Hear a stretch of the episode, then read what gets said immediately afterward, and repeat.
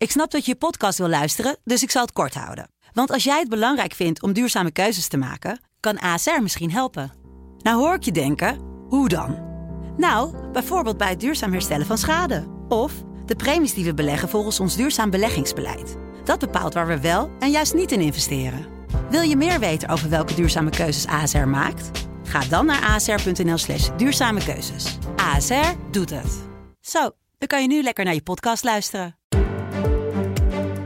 Dit is een podcast van de Telegraaf. Wat natuurlijk opvalt is dat er eigenlijk een enorme stammenstrijd tussen in dit geval het ministerie van Financiën en het ministerie van Sociale Zaken, waardoor de burger eigenlijk en de belangen van die burger op een tweede plek terechtkomen. Er wordt heel erg de schuld aan elkaar gegeven. Ja, zij gingen erover en wij Ja. deden het niet. Afhameren met Wouter de Winter.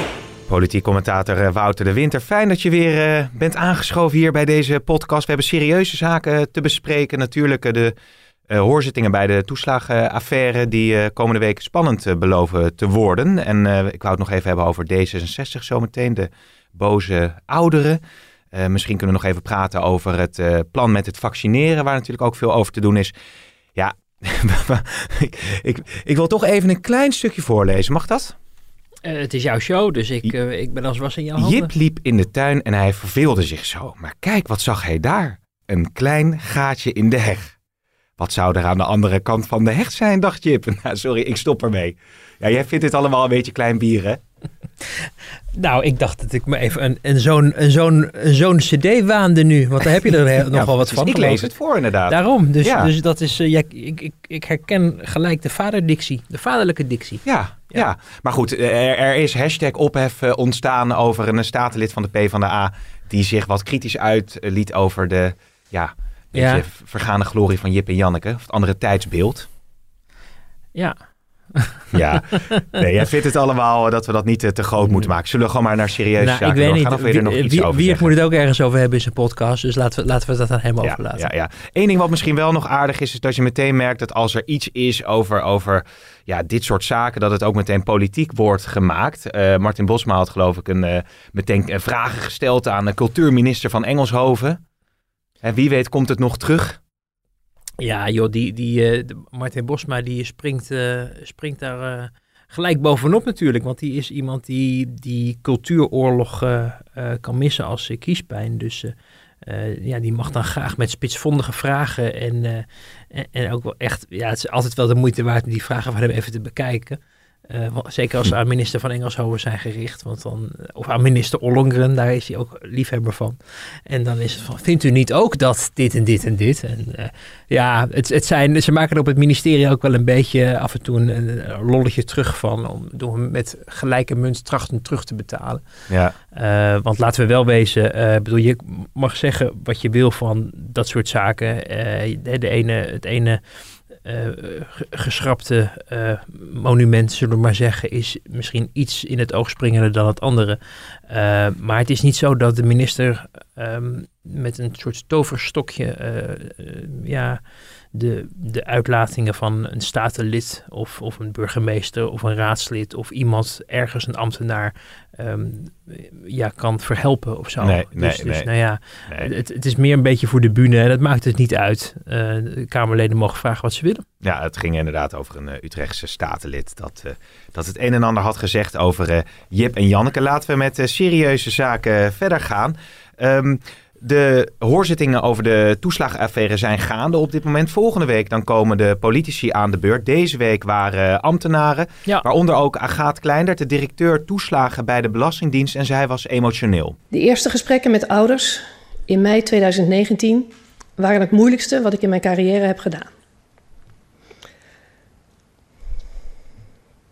Het feit dat we hen niets anders konden bieden dan te luisteren en excuses was heel pijnlijk. Door de zeer aangrijpende ervaringen van de ouders, die over veel meer gingen dan over geld. Sorry. Pak even glas water.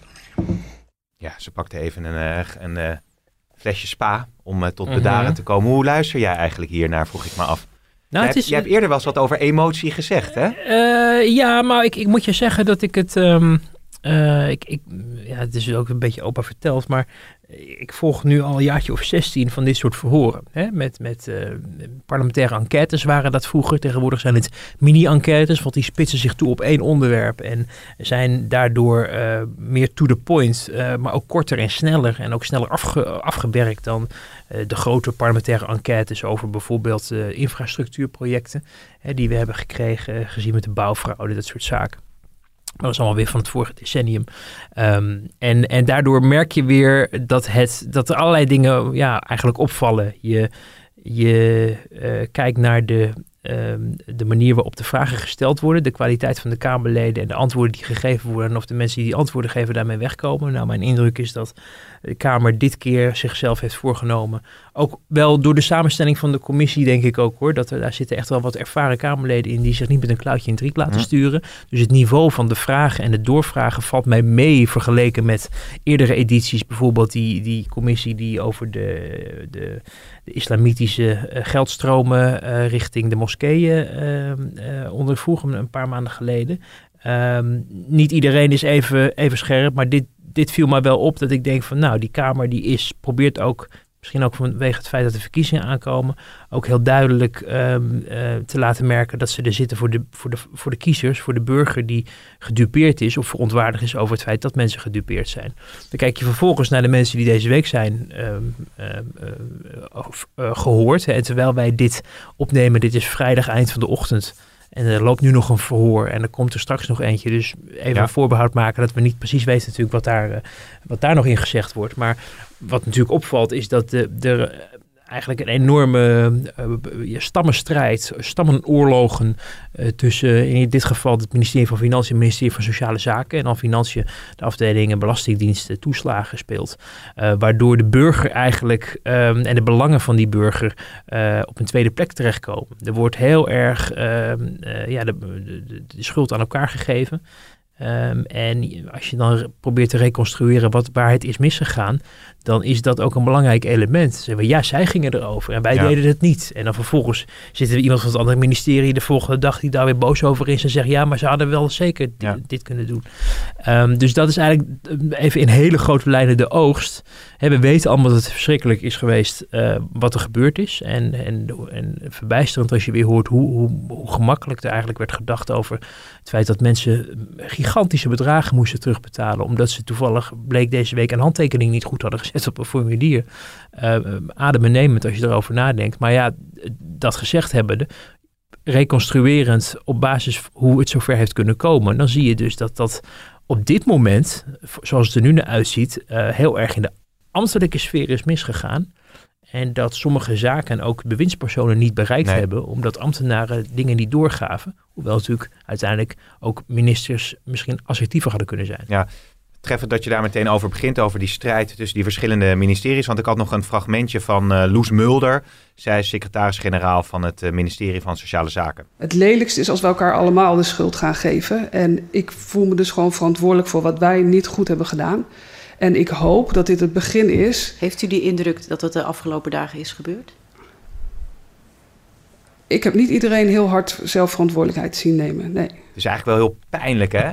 Dit is eigenlijk echt een pijnlijk fragment. Dat, dat, dat topambtenaren ja. eigenlijk bezig zijn met wie heeft wat wel niet gezegd. Het is allemaal bij mij terechtgekomen. Of het is bij dat ministerie ja. blijven liggen. Ik wist er niet van. Ja. Ja, en misschien ook wel menselijk hoor natuurlijk. Dat je uh, vanuit je eigen perspectief denkt, ik heb het toch goed gedaan.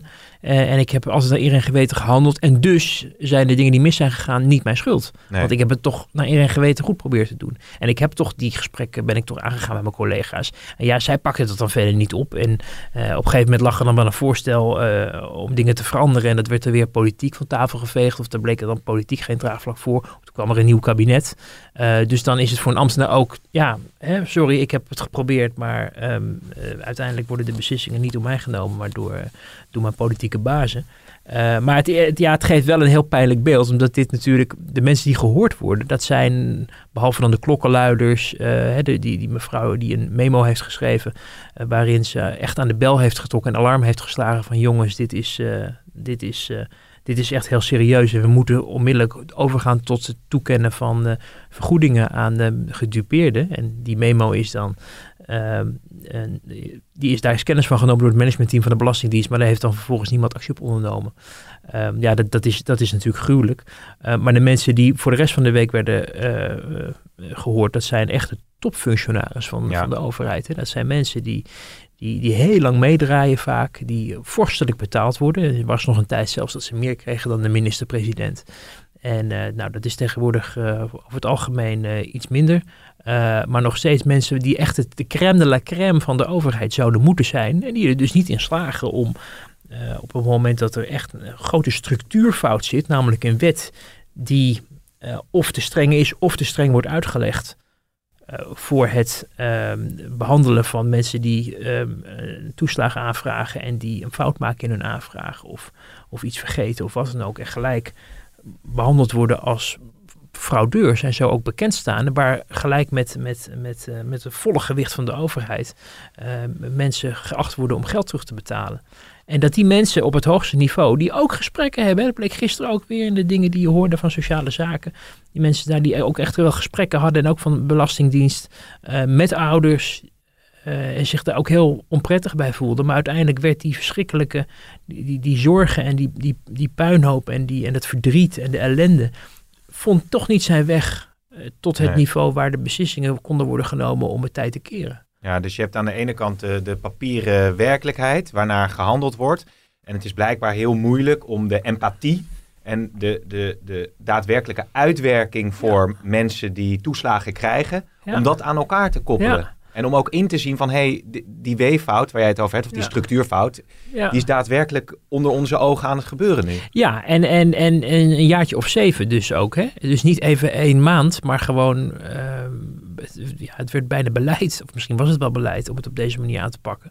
Namelijk niet, um, uh, ja, niet, uh, ja, hoe noem je dat, gevolg geven aan, aan datgene waarvan je eigenlijk wist dat het niet deugde. Mm. En um, nou ja, het, het, vingerwijzen viel dus op naar elkaar. Maar ik denk ook dat je de volgende week zal zien, want dan komen de bewindspersonen uh, natuurlijk aan het woord. Uh, dat bewindspersonen ook zullen verklaren dat ze naar eer en geweten gehandeld hebben. Ja. En dat ze um, ja, door allerlei andere zaken ook misschien zijn afgeleid. Je moet je niet vergeten dat Um, het, het, ministerie van Sociale Zaken geleid werd door minister Ascher in het vorige kabinet. Die was ook vicepremier. Uh, en die had ook zo zijn eigen zorgen, ook met zijn partij en dat soort zaken. En dat hoor je nu ook als je achter de schermen nu vraagt aan bij ministeries van hoe komen de verhoren bij jullie over en maken jullie je zorgen over uh, wat dat kan betekenen voor de huidige bewindspersonenploeg die er nu zit en die deels volgende week ook uh, verantwoording moet afleggen. En dan hoor je dat men ook, ja, die mensen zijn allemaal aan het werk. Die hebben helemaal geen tijd om verhoren te volgen. Die nee. krijgen af en toe sporadisch wat mee. Die worden wel enigszins gebriefd, zijn ook getraind uh, uh, of voorbereid over, ja, wat, wat, wat kan die commissie allemaal vragen? Wat weten ze allemaal? Maar, ja, hoe gaat dat eigenlijk? Ja, nou, er is een, een, een, een training uh, beschikbaar gesteld door het ministerie van Financiën om mensen um, ja, te, te, te, voor te bereiden op de verhoren. Omdat, zeker als het gaat om bewindspersonen, kijk, ambtenaren die zijn sowieso niet gewend om in een setting te zitten waarin ze in een soort verhoorsessie uh, belanden. Uh, bewindspersonen zijn en, en Kamerleden zijn er natuurlijk iets bedrevener in. Alleen een verhoor is nog steeds wel iets anders dan ja. een debat. En een debat heb je ook zelf spreektijd. Dan mag je zelf ook op een gegeven moment redelijk de orde bepalen. Omdat je met je eigen termijnen, je eigen teksten. En dit is gewoon een verhoor waarmee je dus ja, je moet voorbereiden dat je de feiten goed op orde hebt. Want het staat on, je staat onder ede, dus je wordt geacht om uh, de waarheid te spreken. En um, dan kan je dus niet wegkomen met verklaringen van in 2018 gebeurde dit, terwijl het eigenlijk in 2017 was. Nou, nou komt de uitspraak, ik, ik, ik heb daar even geen herinneringen aan. Ik zit aan de bonnetjesaffaire te denken. Dat, ja. dat is ook een, een, een, antwoord dat we veelvuldig voorbij hebben zien komen. Hè. Volgens mij ik zag uh, dat bericht voorbij komen dat Ascher als minister van Sociale Zaken waarschijnlijk een memo heeft hem niet bereikt. Ja, ja, ja. Toen kreeg ik zo'n gevoel van, oh, dan krijg je weer die hele discussie van waar was op dat moment welke memo en is het aannemelijk dat de minister het had gezien? Of had hij het, als hij het niet heeft gezien, wel moeten zien? Ja, nou dat is wel grappig dat je dat zegt. Want het was precies wat ik, waar ik aan dacht toen ik hier naartoe liep eh, vandaag. Van waar doet mij dit nou aan denken? Ja. En het doet mij inderdaad denken aan eh, de bonnetjesaffaire. Eh, dat was natuurlijk een hele andere affaire. Maar kwam in, in de kern, zeker ehm, eh, als je het vergelijkt met ook het feit dat nu weer die gevraagde memo boven tafel kwam. Waarin dus die ambtenaar adviseerde om snel tot compensatie over te gaan. En waar dan vervolgens niks mee gedaan werd. Wat ik je net vertelde. Ehm, dat zoiets nou even ter elfde uren ineens nog even op tafel komt. Terwijl bewindspersoon na bewindspersoon op die verschillende ministeries op een gegeven moment hebben gezegd. Zo wordt het tenminste mij verteld. En ik denk ook wel dat dat, dat wel dicht bij de waarheid komt.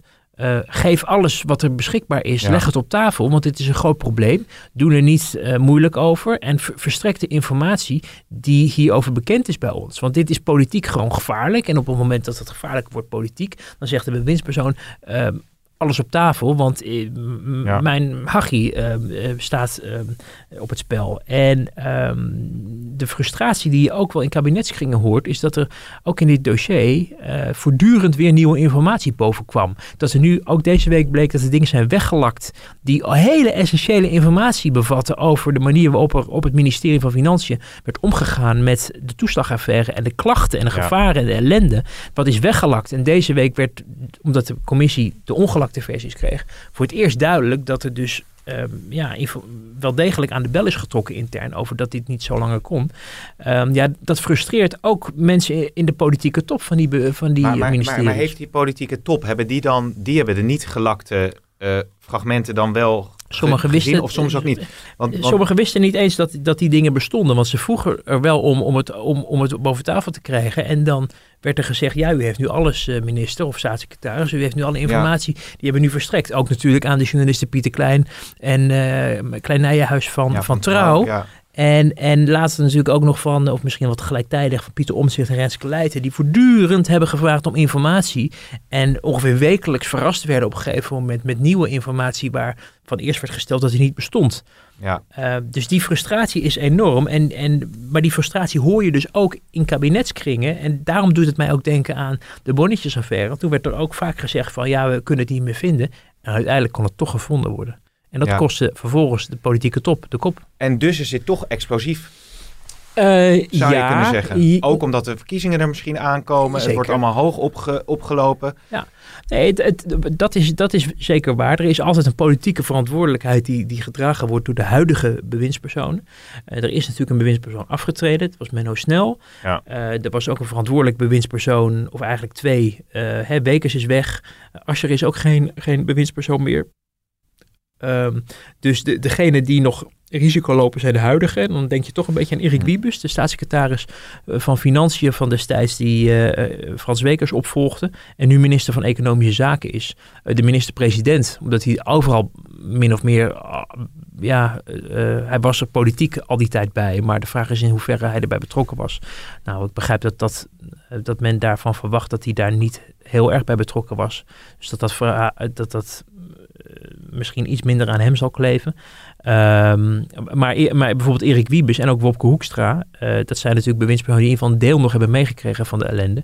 En, eh, maar ook daar hoor je wel in, in kringen rondom de bewindspersonen dat ehm, je hoort nog geen, geen stemming van oh die, die gaan eraan of zo. Nee, Want, nee. eh, ik denk dat zij eh, met een verhaal zullen komen dat, eh, dat ja, een beetje eh, zal klinken als eh, dat ze het ook allemaal heel erg vinden, maar dat ze naar eer en geweten hebben gehandeld en alles aan hebben gedaan om het tijd te keren op het moment dat het mogelijk was. En, en, en kun of je... dingen niet wisten. En, nee, precies. En kun je, ja, ik weet niet of je het gestuntel kan noemen of eh, structurele fouten die daarbij bijvoorbeeld de belastingdiensten zijn gemaakt.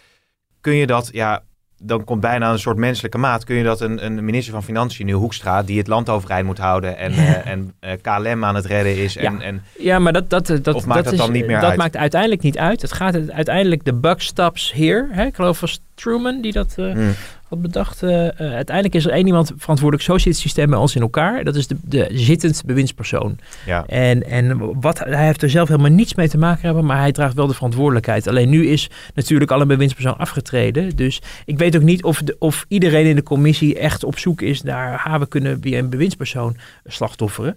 Uh, ik denk dat de commissie vooral zoveel mogelijk de waarheid probeert te reconstrueren. En nou, volgens mij gaat dat aardig de goede kant op. Uh, betekent niet dat er daar geen conclusies aan kunnen wo worden verbonden. Uh, uiteindelijk politiek, hè, dat kan je nooit uitsluiten. Er is nog één ander punt wat interessant is. En dat is, en je gaf het net al even aan, dat de verkiezingen aankomen. En dat is wel een nieuwe dynamiek. Er werd bijvoorbeeld vanuit GroenLinks heel erg op aangestuurd dat toen de Kamer eenmaal besloten had dat deze commissie werd ingesteld en de verhoren zouden plaatsvinden, heel erg gas gegeven. Ik heb er ook een keer in een column iets over geschreven. Uh, zo snel mogelijk, de dag na de stemming al, stak GroenLinks het vingertje op van kunnen we daar alsjeblieft snel mee aan de slag. En um, nou ja, waarom is dat? Um, mede natuurlijk ook omdat er een aantal bewindspersonen uh, van toen en nu um, politieke concurrenten zijn. Dus je ziet soms, vind ik als observant, ja. ook wel elementen terugkeren dat je denkt, oh je, Tom van der Lee bijvoorbeeld van de week, dat iemand verklaarde, uh, zo'n ambtenaar, van ja, daar was politiek geen, uh, geen toestemming of draagvlak voor. En dan herhaalde hij, oh, daar was politiek. Ja, van GroenLinks natuurlijk. Ja. En dan gaat het om, om P van de A. Ja, en, dus, dus toch om Ascher. Uh, om Ascher, maar ook om, om ja, eigenlijk ieder andere bewindspersoon. Want GroenLinks zit niet in het kabinet. Dus nee, het is exact, uh, ja. altijd prijs wat dat betreft. En toen dacht ik wel van ja. Uh, en dan zie je dus ook in zo'n commissie die dynamiek. Want SP, Renske Leijten is natuurlijk een van de trekkers van het dossier. En die zit ook in die commissie. Er zitten nog twee andere linkse partijen die natuurlijk ook moeten, laten, moeten aangeven dat ze ook heel erg betrokken zijn ja. bij, de, bij, de, bij, het, bij het letende ellende. En niet voor de SP willen onderdoen. Dus dan gaat Adje Kuiken van de PvdA er met gestrekt been in. Waar ze vervolgens dan in, in, uh, in, in een krant uh, als een soort tribunaal bekleedster door wordt weggezet. Um, maar dat heeft ook te maken met het feit dat er natuurlijk ook uh, linkse partijen zijn die ook willen laten zien dat zij ook voor ja. gedupeerden uh, vechten. Dus dat politieke element is, altijd ja. aanwezig. Ja, en uh, uiteindelijk moet het natuurlijk gaan leiden tot een betere systematiek, waardoor die, dat toeslagensysteem, waardoor zoveel ouders zijn gedupeerd, in ieder geval in de toekomst niet meer zal nou ja, Ze moeten de toeslagencircus uh, ja, natuurlijk gewoon afschaffen. Dat, lijkt me helder. Uh, maar dat, dat, daar wordt ook al, al jaren over gesteggeld. Ja. En dan hoor je stevast, dat kan niet, want het kan de Belastingdienst niet aan. Um, ik ben heel benieuwd waar een volgend kabinet mee gaat komen om, om te voorkomen dat dit soort verkokering, want mensen zijn echt, denk ik, het slachtoffer geworden van een verkokering tussen verschillende bewindspersonen, ministeries, departementen en en, en ook een, een wat rigide wet die bovendien, en dat moeten we niet vergeten, en dat, als ik dat als, als laatste nog mag toevoegen, um, het gebeurde, of het had eigenlijk zijn oorsprong in een tijd dat er wel in Nederland een sfeer hing van tegen fraude. Fraudeurs moesten worden aangepakt en hard ook. Dat was echt een, ja. een, een, speerpunt van, van de overheid. En er was ook politiek veel draagvlak voor. En je kan je misschien nog de, de, de reportage van, ik meen, Reporter De Bulgaren fraude uh, herinneren. Ja, ook Sibesitsma heeft daar uh, ja, nog, uh, mee bezig je, geweest. Ja, dat je, dat je, dat je Bulgaren zag kwartetten met ja, van die oranje ING-passen in een of ander Bulgaars landschap. Zeer onwenselijk. dat, dat, dat, daar was wel echt heel veel boosheid over. Dus de sfeer in dat land was er ook wel eentje van aanpakken die fraudeurs. En dat daar vervolgens de onschuldige mensen uh, die, de, enorm de dupe van werd, daar was op dat moment geen aandacht voor. Nee, nou, wordt allemaal vervolgd. Daar gaan we het ook zeker nog over hebben. Ik wil het zo meteen nog even over vaccineren. Maar laten we eerst even, ja, ik wou zeggen iets luchtigers. Maar... Je gaat weer voorlezen. nee, nee, ik wou even uh, Geert Wilders uh, laten horen. Okay. Um, we komen zo met de toelichting, maar hij trok nogal uh, veel van leer in de Kamer. U werkt drie dagen in de week. Hier. Maandag en vrijdag bent u niet hier, althans hebben we geen vergaderingen. Drie dagen in de week. Dat is een driedaagse werkweek en daar verdient u 6000 euro netto voor per maand. Voor drie dagen hier te komen. En dan zegt u tegen Nederland: Weet je wat, ik ga liever thuis zitten Netflixen. Want als ik hier naartoe kom, dan zit ik gewoon hier. En dan moet ik hier komen, dan zit ik op mijn kamer. Hoezo zit u op uw kamer? U moet gewoon werken hier. U gaat toch niet op hier op uw kamer naar Netflix zitten kijken? U moet hier gewoon uw werk doen. Ga dossiers lezen, ga brieven beantwoorden, weet ik wat u allemaal doet. Ja, Wouter. Noem het maar luchtig. nou, ja. Jij zei, we gaan iets luchtigs luisteren. Nou, ik, ik, ik, moest wel, ik moest wel lachen omdat, uh, omdat Netflix... Ik kreeg ook weer uh, herinnering aan uh, Eiweltje Bergboes, weet je wel, die dat altijd vertelde. Dat en lange wachten op die ja. kamer voordat je eindelijk mag stemmen. Ja, ja, om middernacht. Maar wat, wat speelt hier, Wouter? Nou, uh, dit is iets. Uh, um, ik heb daar toevallig dinsdag ook in de column iets over geschreven. Een, een poging van een aantal partijen om het quorum eh, dat is de aanwezigheidsplicht van, van 76 eh, eh, Kamerleden, ehm, eh, om, die, om die digitaal te maken. Ehm, nu is het nog zo, eh, al nagelang ook de grondwet dat voorschrijft, dat er een meerderheid van de Kamerleden eh, aanwezig moet zijn, of zich aanwezig moet hebben verklaard, ehm, op een dag dat er eh, gedebatteerd wordt en gestemd wordt. Ehm, dat moet je dus met voldoende mensen in het gebouw doen. En er is al langer een beweging gaande vanuit GroenLinks en de VVD eh, om dat digitaal te maken. Dat hebben ze in de Eerste Kamer nu gedaan. Daar zijn overigens veel minder mensen en die hoeven maar één keer per week langs te komen. Eh, maar die zeggen ja, in de tijd van corona en de beperkte ruimte die we hebben, is het allemaal heel erg kunstmatig om dan aanwezig te zijn, omdat je voor de rest niet zoveel moet doen, maar je moet wel in het gebouw rondhangen en je moet je verplaatsen. En het is ook een, een eh, richtlijn natuurlijk van het kabinet dat, dat je zoveel mogelijk thuis moet werken. Dus waarom geldt dat niet voor het parlement? En er zijn ook minder debatten, volgens mij. Ja, uiteindelijk zijn er ook minder debatten. Inderdaad, dat was erger in het begin, eh, overigens, van de, de coronacrisis. Eh, maar men probeert het op die manier digitaal ehm, wat makkelijker te maken om, eh, om in ieder geval niet allemaal naar Den Haag te komen. En, en ja, Wilders is, is van wat dat betreft echt van de oude stempel en die heeft daar geen zin in. Die ziet ook wel dat daarmee ook wapens van hem uit handen worden geslagen. Hè? Want je kan je misschien nog herinneren dat hij ter elfde uren Ja. ineens een, een, een, een hoofdelijke stemming aanvroeg voor de zorgsalarissen. Dat was ook weer, eh, dat had mede te maken met het feit dat er een, een, eh, een eh, ja, toch bepaalde spelregels zijn, dan opgeschreven dan wel niet officieus. Ehm, dat je zoiets elkaar niet aandoet, omdat je daarmee je collega's ook kan verrassen dat, dat ze geen eerlijke kans maken om stemmingen te winnen, ook al hebben ze de meerderheid. En eh, je ziet dus dat, dat, dat Wilders absoluut niet wil dat er aan die instrumenten getornd wordt, omdat hem dat als oppositiekamerlid beperkt in de mogelijkheden om eh, ja, eigenlijk van de mazen in de regeltjes te zoeken, waardoor die af en toe nog een politiek punt kan scoren. En Ja. dat zie je, dat zag je natuurlijk heel goed gebeuren eh, toen, toen hij met die, eh, met die weglopers, zullen we maar noemen. Ja. Eh, dat heeft hem toen politiek veel succes opgeleverd. En heeft de coalitie echt beschadigd. Ehm, en die is dus helemaal niet van dit soort eh, zaken. En hij staat niet, ook om andere redenen, daar niet alleen in. Ehm, bijvoorbeeld bij de PvdA vinden ze ook echt van ja, eh, de, mensen in dat land moeten ook gewoon ehm, dingen doen. En af en toe naar hun werk. En Kamerleden hoeven dat maar drie dagen per week te doen. Hè? Laten we dat niet vergeten. Hebben bovendien royale recessperiodes. Dus als de regering expliciet stelt in steeds al die coronamaatregels dat er een uitzondering wordt gemaakt voor de Staten-Generaal, dan moet je, vinden zij, zolang er geen noodtoestand is uitgeroepen, gewoon naar de Kamer komen Ja. om je werk te doen. En ehm, je zag de voorbije, of bij het laatste coronadebat dat Jesse Klaver dat probeerde ehm, eh, eh, ja, via de SP om, om ook de SP aan boord te krijgen. Door te zeggen, ja de PvdA is ook aan boord. Maar Khadija Ariep is ook tegenstander, die is van de PvdA. En de SP ging dat checken bij de PvdA van zijn jullie voor. Zeiden ze in geen geval. En de SP had zelf ook niet, die heeft natuurlijk ook een soort, hè, de arbeidersmentaliteit van die normale mensen Hm. moeten ook gewoon werken. Dus, dus je ziet dat hier eh, ook in het linkse blok oneenigheid over is. Eh, maar waar, ja, Wilders natuurlijk niet alleen gewoon echt vindt dat dit niet kan, maar ook een gouden kans ziet om een soort eh, wegloop circus 2 te creëren. Ja. hè. De manier waarop hij zo tekeer gaat hier tegen een motie die door een ruime Kamermeerderheid, want GroenLinks was ook aan boord, eh, gesteund wordt.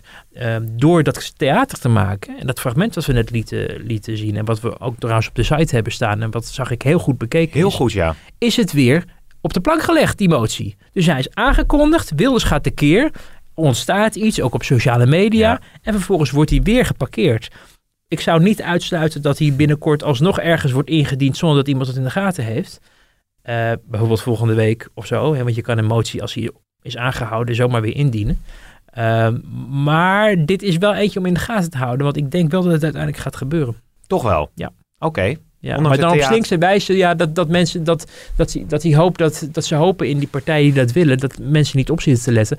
Of dat er wat minder politiek rumoer over ontstaat. Bijvoorbeeld bij de, in, de, in de laatste week dat de Kamer nog vergadert. Hè. Dan heb je die ellenlange lijst Ja, met ja, ja. moties. Dat hij er even tussen wordt. Dan wordt even tussen en dan gaat er iedereen aandacht kerstvakantie. voor, ja. En maar, dan, maar ja. en, en, en, en Wilders, tot slot hierover, die, die speelt natuurlijk ook ja, in op dat sentiment. Je noemt het al even. Ik heb het, ik heb het zelf ook wel eens. Weet je, ja, jij, Jij bent gaan- ook boos.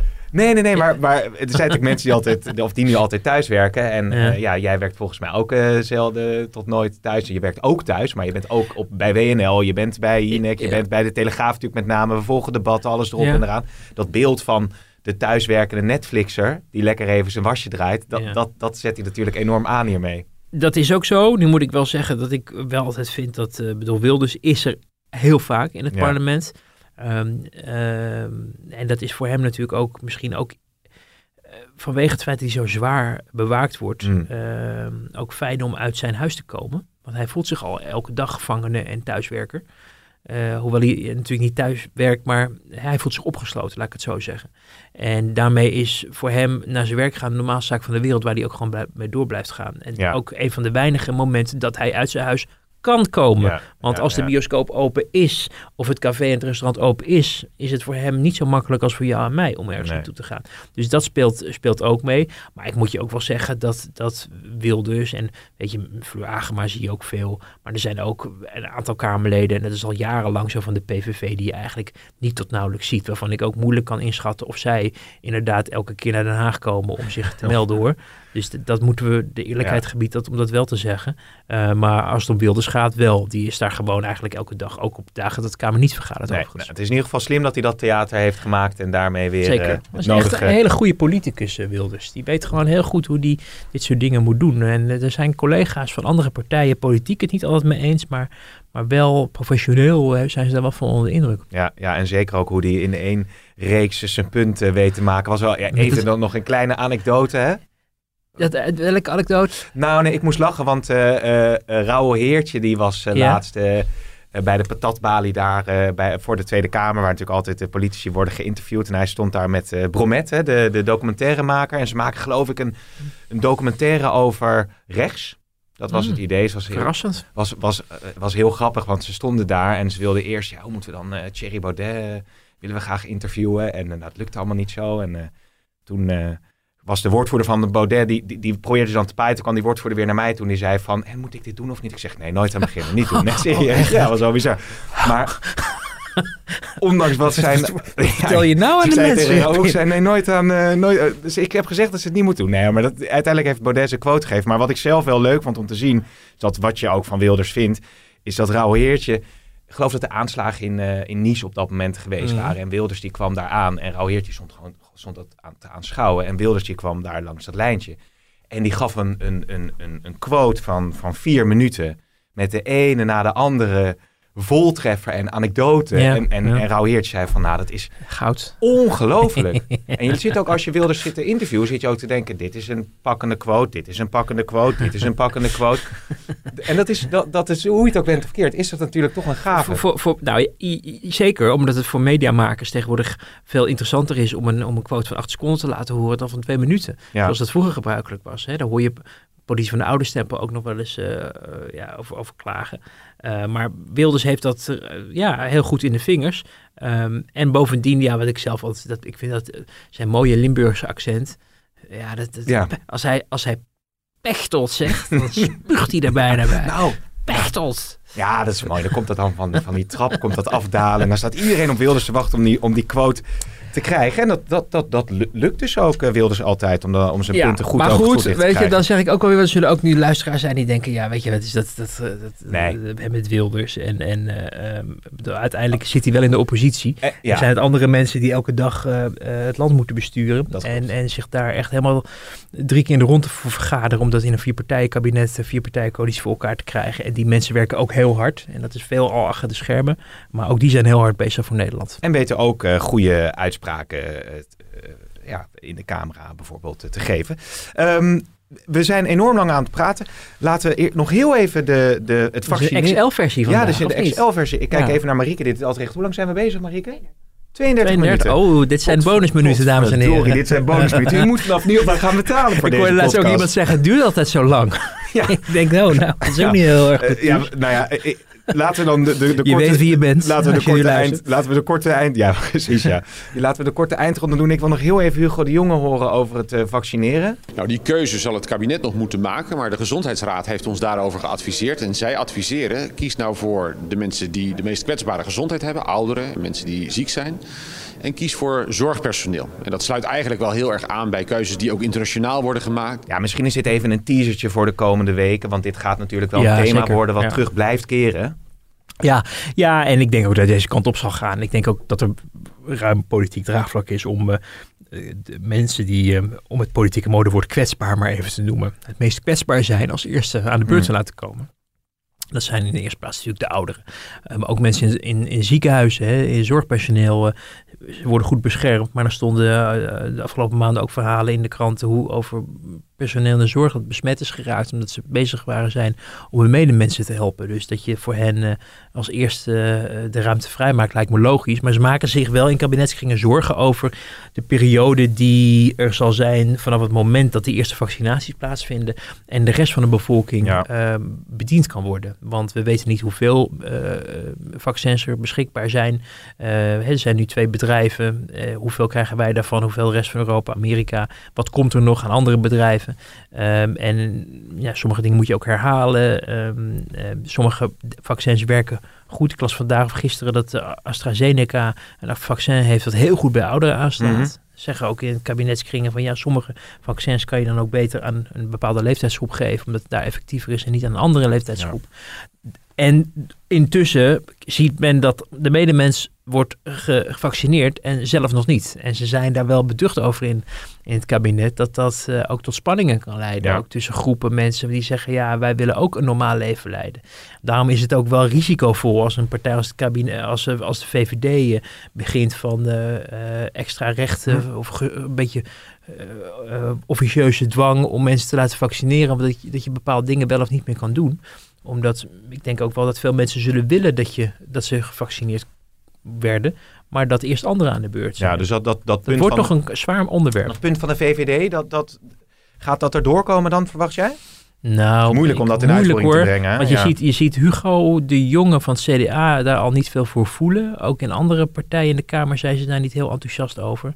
Eh, als het gaat om het verplichten, was geloof ik uit mijn hoofd alleen VVD en D66 eh, eh, tegen een motie die dat onmogelijk zou moeten maken. Die geloof ik door Assekan is ingediend van Denk.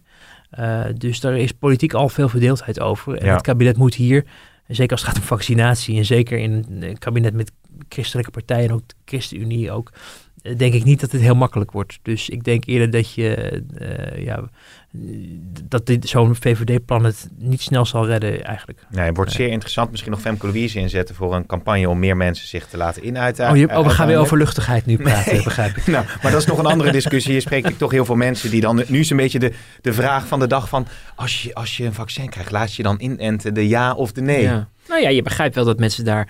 eh, het is allemaal nieuw en eng. En je hoort eh, verhalen van waarom is het, waarom is het eh, ineens zo snel af waar het normaal tot jaren duurt. Aan de andere kant, als je ziet naar de effectiviteit van bepaalde vaccins. en die vergelijk je met effectiviteit van bijvoorbeeld influenza-vaccins. dan schijnt de effectiviteit van die coronavaccins veel hoger te liggen. Ja.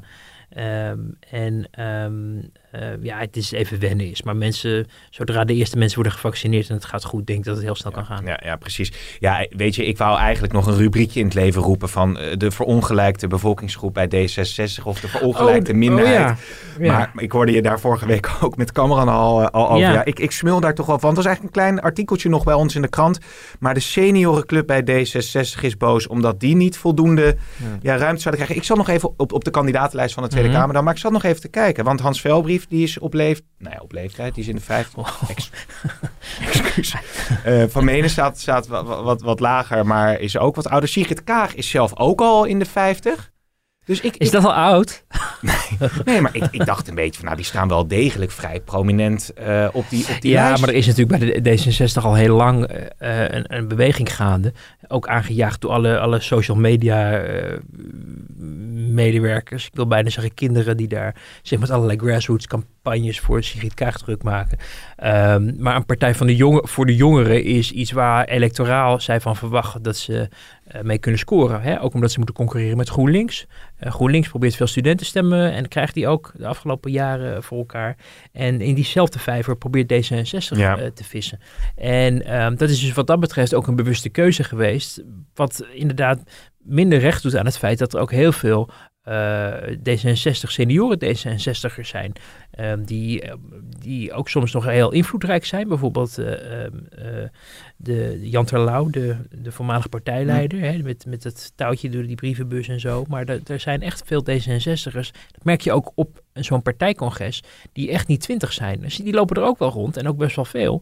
Maar er zijn ook veel senioren. En het begint heel erg op te vallen dat het er in D66 wel heel erg veel rumoer is over die kandidatenlijst. Mm. En dan is het iemand niet van de het juiste geslacht, of de juiste seksuele voorkeur, of de juiste afkomst, of de juiste eh, biculturaliteit. Of Ja, ik zat te denken, wat, wat, wat is een bicultureel eigenlijk? ja, nou. nee, ik- we ik hebben ben- vorige week een grapje gemaakt dat de transculturelen nu helemaal eh, niet meer mee mogen doen bij D66. En dat is natuurlijk een schande, laten we wel. Ja, nee, dat, dat kan echt niet. Maar ik praat er maar even overheen. Maar, ik, maar nee, ik, ik, vind, eh, ik vind het wel heel opvallend. Maar het geeft ook wel aan wat voor een partij D66 is geworden. Hè? Toch echt een Ja. partij van, van luxe problemen. Echt luxe problemen. Is dit nou echt... We zitten in de grootste crisis sinds de Tweede Wereldoorlog. En er zijn de ene na de andere eh, verongelijkte groep gaat, gaat, gaat brieven lopen schrijven naar de partijleider om te zeggen dat de lijst... En als je die lijst ziet, je ziet echt van alles ertussen Het staan is, het is een hele representatieve lijst. heel je het ziet. divers, zoals men dat zo graag ziet. En het is nog niet goed genoeg. Nee. Ik zou me eerder druk gaan maken over de inhoud van het verkiezingsprogramma. Of over het feit dat we de lijsttrekker eigenlijk alleen maar kennen van buitenlands beleid. eh, en voor de rest haar Maar- maar zit veel horen zwijgen. Zit dit, eh, de, die, die senioren waar je het over had, zit dat hen hoog? Gaat dat, een, gaat dat de komende tijd? Want Pechtold had, had toch een andere manier van leiding geven eh, aan D66. Speelde ook een andere rol misschien in de debatten. Nou ja, wat wel zo is in, in onderwijs, zeker, maar. maar wat, wat, wat wel altijd is in een politieke partij, is dat zodra het goed gaat, je uit de achterban niet zoveel rumoer hoort. Omdat Hmm. mensen denken, nou ja, weet je, eh 30, 40 zetels nu richting eh, voor de VVD. Wie ooit steekt daar zijn vinger op om Mark Rutte te vervangen? Niemand. Die mensen denken allemaal, het gaat goed. Ja. D66 gaat al heel lange tijd niet goed. Hè. Ze hebben natuurlijk nu een lijsttrekker die zich eh, gewoon om, om wie ze is onderscheidt van eh, de rest van de middenpartijen. Daar hebben we het hier ook al vaker over gehad. Eh, maar het slaat nog niet aan. Team Kaag en al die gekke gimpen-idiotie die we... Weet je dat ik trouwens afgelopen dinsdag bijna nieuwe gimpen wilde aantrekken naar eh, Den Haag om met jou te praten. Maar ik heb ze bewust even laten liggen. Want ik denk, anders, anders krijg ik een, een oorwassing van Wouter dat ik Nou, de hippe gimpen aan heb getrokken. Mag ja, ik ze volgende week niet, wel Je bent aan? toch representatief voor, voor, voor de Telegraaf. Dus je moet ja, nee, natuurlijk dat een beetje fatsoenlijk zo. Het zijn, het zijn wel net, het Er zijn genoeg andere media die op hun gimpen daar zijn hun werk chique- gimpen zijn het. Ja, nee, gimpen. ja, nee, maar... Dat geheel terzijde. Maar- wat ik- mijn bruin Zweden schoentjes maar. Oké, maar nee, maar wat, dat ik, wat, waar dit wel een uitwas van is, is dat er dus weer een, een eh, dat men eh, en ook daarmee eigenlijk hun, de eigen onmacht en de eigen verkeerde prioriteiten etaleert. Hè? Dat men aan, nu aan het klagen is over te weinig aandacht voor senioren en dat soort zaken. Terwijl je eigenlijk met elkaar moet denken van hoe ga je de verkiezingen winnen. En dan kan je zeggen, ja, dan moeten we nog een, een, een, een, een gepensioneerde op plek 4 hebben of zo, of op plek 8. Uh, maar het gaat natuurlijk ehm, erom in hoe je in deze coronatijd, waarin mensen toch onzeker zijn over een baan, over een gezondheid, de juiste toon aanslaat bij de kiezer, waardoor zij denken, we gaan het dit keer eens met D66 proberen. Ja. En als je naar de peilingen kijkt, zie je dat gewoon niet van de grond komen. En dat zou de focus moeten zijn bij D66 en niet dat hele diversiteitsgejammer. Nee, dat is een hele mooie slotconclusie van jouw hand. Eh, En we, het zijn allemaal onderwerpen waar we later weer over doorpraten. Dankjewel, dat. uh, Wouter. Jo. Meer podcast luisteren? Probeer dan ook eens de voetbalpodcast Kick-Off van De Telegraaf. Met chef voetbal Valentijn Driessen altijd met een scherpe mening. Hatenboer uh, ja, kan eigenlijk niet voetballen en Dumfries ook niet. Met Ajax-volger Mike Verwij altijd met het laatste nieuws. In München heeft hij Ten Hag gesproken. Mhm. En die ging met 180 kilometer een doodlopende straat in. En daar heeft Tadic hem hoogstpersoonlijk uitgehaald. En ikzelf, Pim CD, probeer het allemaal in goede banen te leiden. Ja, jij snapt nee, dus ook nee, geen jij snapt van. het ook niet. Jij kan ook geen teammanager worden. Ik begin aan die fles Hey. wijn nou jongens, als Hey. jullie mij zo gaan aanvallen. Elke vrijdagavond in uw favoriete podcastplayer en natuurlijk op de site en app van De Telegraaf. Het soort me wel veel. Ja. Volgens mij die uh, wijnazijn of azijn. Zijn.